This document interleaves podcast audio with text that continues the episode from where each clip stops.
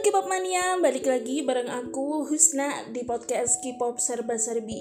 Sebelumnya aku mau minta maaf karena udah dua minggu ini aku nggak upload podcast karena kerjaan aku numpuk guys, jadi sorry. Dan aku juga minta maaf karena aku akan membahas topik yang gak sesuai dengan janji aku pada episode sebelumnya. Kan episode sebelumnya aku ingin membahas mengenai album barunya Dio. Tapi aku suka semua lagunya yang di album itu secara keseluruhan. Khas Dio banget gitu nggak sih? Kayak akustikan terus notesnya bagus. But somehow aku ingin membahas topik lain yang di luar topik lagunya Dio yaitu topik Girls 999 Girls Planet. Ya yeah, Girls Planet 999 kalau nggak salah nama acaranya. I kinda forget the name of the the title of the uh, survival show. But ya yeah, kalian lah survival terbarunya Mnet ya kan? Yang terdiri dari tiga negara Jepang, Korea, dan Cina yang berpartisipasi. Tapi sebelum aku ingin membahas itu, aku ingin mempromosikan lagu-lagu yang ya kira-kira 10 hari ini menjadi favorite aku di playlist Spotify-ku yang pertama adalah lagunya Dreamcatcher yang terbaru yaitu Because. Itu menurut aku lagunya enak, adiktif dan khas rocknya mereka dapat banget. Dance-nya aku juga lumayan suka. Jadi mungkin sejak Scream ya, sejak Scream aku tuh agak nggak terlalu suka sama title tracknya Dreamcatcher kayak Odd Eye atau hmm, itu boka itu aku nggak terlalu suka. Tapi because ini benar-benar aku cukup suka lebih suka ya sama kayak es krim lah. Tapi number one di hatiku tetap good night dan deja vu. Terus yang kedua, please kalian harus dengerin lagunya Pink Fantasy yang berjudul Poison atau kalau dalam bahasa Koreanya kalau nggak salah Iriwa. Yang mana itu benar-benar bagus banget metalnya kental banget. Jadi key rock man sama kayak Dreamcatcher key rock man bagus terus temanya horror gitu aku suka lagu itu beneran aku putar berkali-kali karena ya aku tuh sampai mikir kok aku baru tahu lagu ini sekarang ya? Kemarin-kemarin ke mana? Karena emang bagus banget MV-nya juga bagus dance-nya juga bagus all rounder lah. Apalagi vokalnya Ye Chan itu bener captivating banget sih. Vokalnya Ye Chan dan Sia itu wah oh, meh. Keren keren keren terus juga lagunya Nature yang berjudul Girls itu keren juga konsepnya horror walaupun bukan rock kayak Dreamcatcher atau Pink Fantasy tapi itu adalah salah satu lagu yang baru aku dengerin belakangan ini karena aku baru tahu padahal rilisnya udah tahun kemarin. Dan aku rekomendasiin buat kalian buat dengerin lagu itu karena ah top marko top dan by the way, aku memang lebih sering ngedengerin girl group daripada boy group. But kalau kalian punya lagu rekomendasi boy group yang aku, harus aku dengerin, kalian bisa komen di Instagram aku di @kpopserbaserbi @podcast kpop serba serbi. Oke, okay, so let's get into it. Jadi uh, aku tuh sebenarnya didn't want to pay attention about this survival show. Because you know lah gimana sih uh, Mnet bikin survival show edit uh, apa sih namanya evil editingnya gimana? Terus pasti tahu kan mau mau anak-anak siapa aja yang mau di uh, ajuin gitu kan? Mau jadi dibikin menonjol kayak gitu aku sebenarnya nggak ingin pay attention to this survival show tapi karena banyak berita-berita di Instagram yang seliweran membahas uh, topik ini jadi aku tertarik bahas aja sih. Terus waktu lagu grandnya mereka lagu openingnya mereka rilis itu juga aku nggak terlalu oh lagunya enak ya. Kayak gitu enggak biasa aja kayak forgettable gitu loh lagunya. I don't know why tapi memang menurutku forgettable. Beda sama Pick Me atau Nayana yang produce one one itu menurut aku ediktif dan enak juga. Tapi yang kayak yang ini tuh kayak forgettable. Bahkan aku sampai nggak inget ini lagunya kayak gimana sih. Kayak gitu sih itu yang pertama. Waktu waktu pertama kali denger. Tapi kayak itu karena banyak postingan di Instagram yang bahas acara ini jadi aku tertarik untuk bahas jadi aku doing a research simple research yang cuma lihat eh, penampilan-penampilan mereka yang placement test yang kayak Produce One One itu.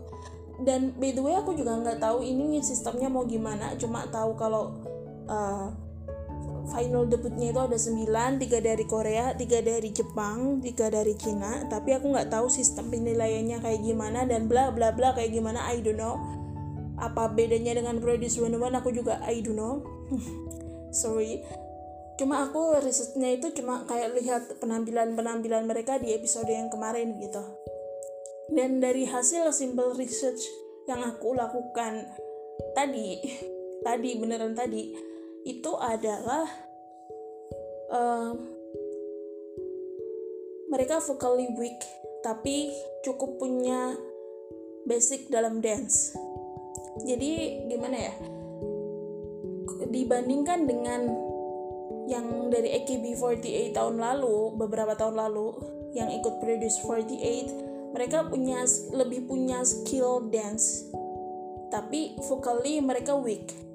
Jadi kayak bahkan bahkan yang dari Korea pun vocally weak menurut aku. Nggak nggak yang nggak nggak ada yang captivating in my ears gitu loh. Kalau Produce 48 itu kan walaupun yang dari Jepang itu mostly dance-nya weak tapi I found like Takeuchi Miu yang punya vokal bagus ya kan? Atau aku juga suka Sato yang timnya Miu yang nyanyiin apa sih judulnya yang versi Jepang itu? Eh iya iya satu ya namanya. Aku lupa. Pokoknya itulah yang yang dari Jepang yang timnya uh, Miu selain Gotomoe itu itu aku juga lumayan suka sama vokalnya. Atau sama itu ah adalah satu lagi yang menurut aku cukup captivating yang nyanyi The Truth Untold selain satu itu. Dan menurut aku vokalnya itu cukup captivating sih. Tapi ya sayangnya mereka nggak masuk ke line up debut termasuk Nako itu juga menurut aku vokalnya cukup captivating tapi dia kan uh, menonjolnya di episode evaluasi kan bukan di yang placement test itu. Terus uh, apa sih namanya kalau dance cuma mereka dance-nya weak aja kalau di AKB yang AKB48 kemarin. Tapi kalau yang ini yang trainee dari Jepang itu dance-nya menurut aku kayak punya basic aja dulu sebelum sebelum masuk ke acara ini gitu. Cuma vokalnya kelihatan banget mereka kayak life training gitu nggak kayak Miu yang udah yang udah mateng gitu loh. Jadi aku find oh kayak gini ya. Itu mungkin karena pengaruh Mnet mencoba untuk nggak pakai autotune atau backtrack juga kali. Tapi terlepas dari itu kalau di pendengaranku mereka vokalnya weak. Sebenarnya nggak nggak cuma yang Jepang tapi yang Korea juga sadly sih beneran sad. Yang Chinese itu juga uh, mereka punya basic dance tapi vocally mereka weak. Hmm, kalau dibandingkan dengan Produce 101 series sampai yang uh, Produce X 101 jujur aku ngerasa kalau di Produce 101 satu dua terus Produce 48 itu aku menemukan some people yang some trainees yang punya vokal cukup kuat. Bah, kayak kalau di Produce 101 kita tahu ada Sejong ada Nayong yang dari playlist itu Gugudan terus ada Kim Juna kalau kalian masih ingat yang nyanyi lagunya yang Jessie J. Terus kemudian anda Yu Yun Jong and uh, PJSN Anda juga yang dari Momoland itu siapa sih namanya? Taiha itu juga uh, vokalnya menurut aku bagus. Cukup strong lah. Terus Chungha itu juga lumayan. Terus uh, ada Nu yang dari Pledis. Ada timnya Nu Call Me Baby itu siapa sih namanya? Aku lupa. Ada Sira Kang Sira. Terus kemudian ada Sohi yang sekarang ada di Nature. Itu mereka vokali cukup strong gitu loh cukup menonjol cukup captivating. Kalau di season 2 jelas ada Jaehwan terus ada Ong. Ong itu mungkin kalau di kalau di uh, placement test itu menonjolnya karena dance-nya. Dance-nya kan bagus banget kan Ong? Tapi menurut aku ketika aku pertama kali dengar audisinya Ong itu beneran oh ini orang sebenarnya punya potensi potensinya gede ini orang. Vokalnya mem memang still underdeveloped tapi dia punya potensi gitu dari pendengaranku lah ya. Dan ternyata benar setelah dilatih dibenerin oleh Shin Yumi dia jadi vokalis yang cukup bagus gitu loh. Terus ada yang dari FNC dulu itu Huisong Huisong itu juga kalau meskipun di placement testnya boleh dibilang nggak nonjol juga tapi kan di selanjut selanjutnya dia bisa lebih menonjol gitu loh secara vokal. Bahkan sekarang jadi vokalnya and flying kayak gitu di Produce 48 itu ada Nam Go Eun itu bagus. Takeuchi Miyu ada Park Hae uh, Park Haeon itu juga bagus. Kalau di Produce X jujur aja aku nggak ingat siapa yang menurut aku vokali bagus. Karena yang captivating in my ears and my eyes itu cuma Johan.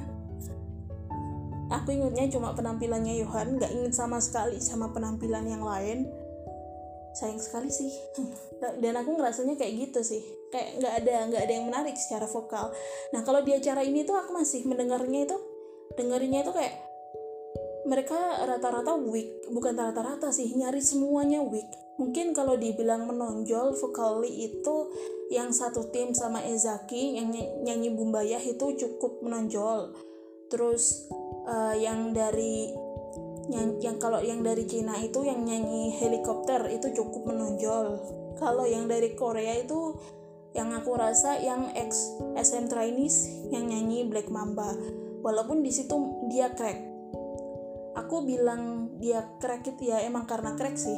Cuma aku bilang dia menonjol itu karena aku ngerasa walaupun dia crack walaupun dia shaky aku ngerasa ada basic di situ. Ada ada teknik yang dia gunakan di situ. Nggak nggak cuma sekedar nyanyi tapi ada basic teknik vokal yang dia gunakan. Jadi kerasa lumayan kerasa gitu. Dan aku mikirnya dia punya kesempatan untuk lebih improve, lebih berkembang lagi ke depannya. Karena ya emang vokal itu akan sangat berkembang seiring dengan jam terbang kayak gitu. Asalkan terus terus menerus dilatih itu aja sih kalau yang masalah vokal. Hmm, ada lagi yang ingin aku bahas itu ada yang masalah itu yang ada trainee Cina yang menyinggung soal helikopternya CLC menyinggung Eugene CLC dan dengan mengatakan but you don't. Sebenarnya dia rapnya bagus dia rapnya bagus. Tapi aku agak agak salty juga sih dengar cara ngomongnya itu mereka penampilannya bagus beneran bagus. Tapi kalau dibilang lebih bagus dari original juga enggak. Karena apa? Walaupun aku bilang uh, vokalnya mereka menonjol tapi nggak sebagus Sorn dan Senghi CLC Sorn dan Senghi CLC itu beneran strong sekali menurut aku loh ya menurut aku. Sangat captivating. Apalagi vok uh, warna vokalnya Senghi kan keren kan?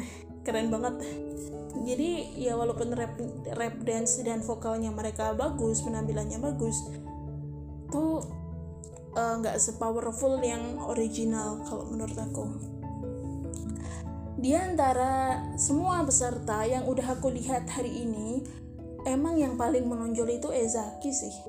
Mungkin karena pengaruh editingnya Mnet juga, tapi aku sebenarnya udah nonton penampilannya dia beberapa hari lalu dan emang emang dia yang menonjol sih. Dalam artian dia rapnya stable dance-nya bagus terus apa sih namanya ekspresinya juga bagus. Jadi aku aku ngerasa wajar aja kalau banyak orang yang suka sama dia.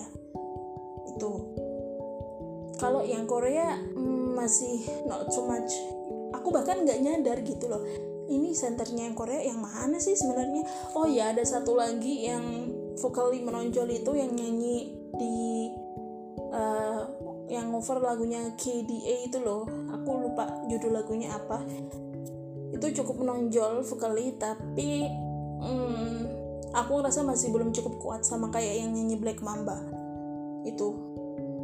Aku nggak tahu kalau aku ingin terus nonton acara ini atau ingin terus nge-review acara ini karena jujur aja aku bit uninterested nggak agak nggak tertarik karena ya itulah.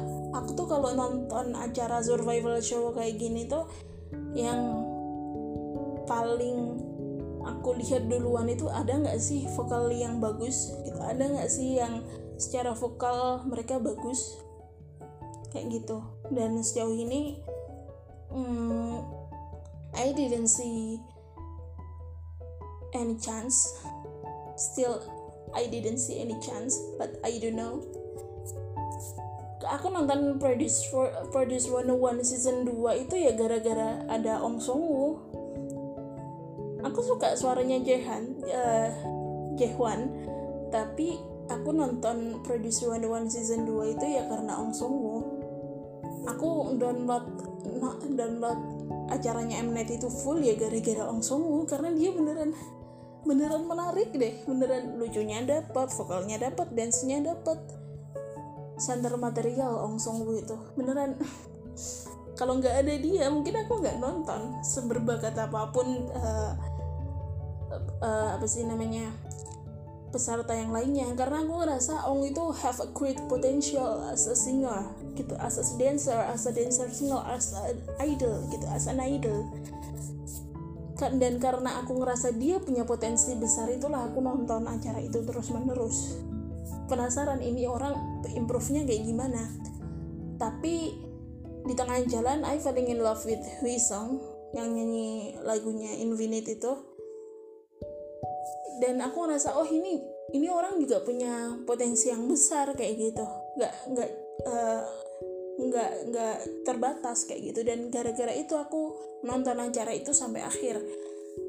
Kalau di Produce One One itu aku nontonnya agak telat jadi udah sampai yang last evaluation tapi aku kan akhirnya nontonnya backward kan dari yang episode hampir terakhir ke episode depan-depan-depan dan menemukan uh, peserta-peserta yang menarik kayak Kim Juna, kayak Chung Ha, kayak siapa sih itu namanya Sira, Kang Sira, kayak Sohi itu aku suka penampilan-penampilannya mereka. Soyeon juga, Soyeon Ji Idol. Kalau Produce 48 itu aku tertarik nonton karena ada Produce 101 season 2 season 2 sebelumnya. Dan dan aku agak nggak terlalu kecewa sih karena media itu tadi menemukan orang-orang yang secara vokal bagus dan oke okay, aku ikutin lihat perkembangan ini orang kayak gimana. Kayak Heyeon kayak uh, Goen jadi aku following up mereka gitu loh.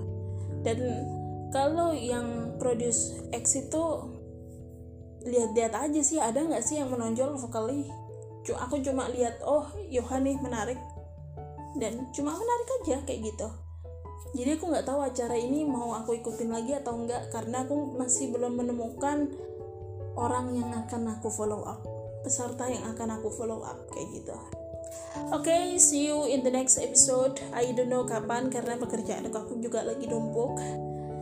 Mana satu minggu lagi aku ikut tes TOEFL. Tapi please follow up this uh, podcast. See you. Bye bye.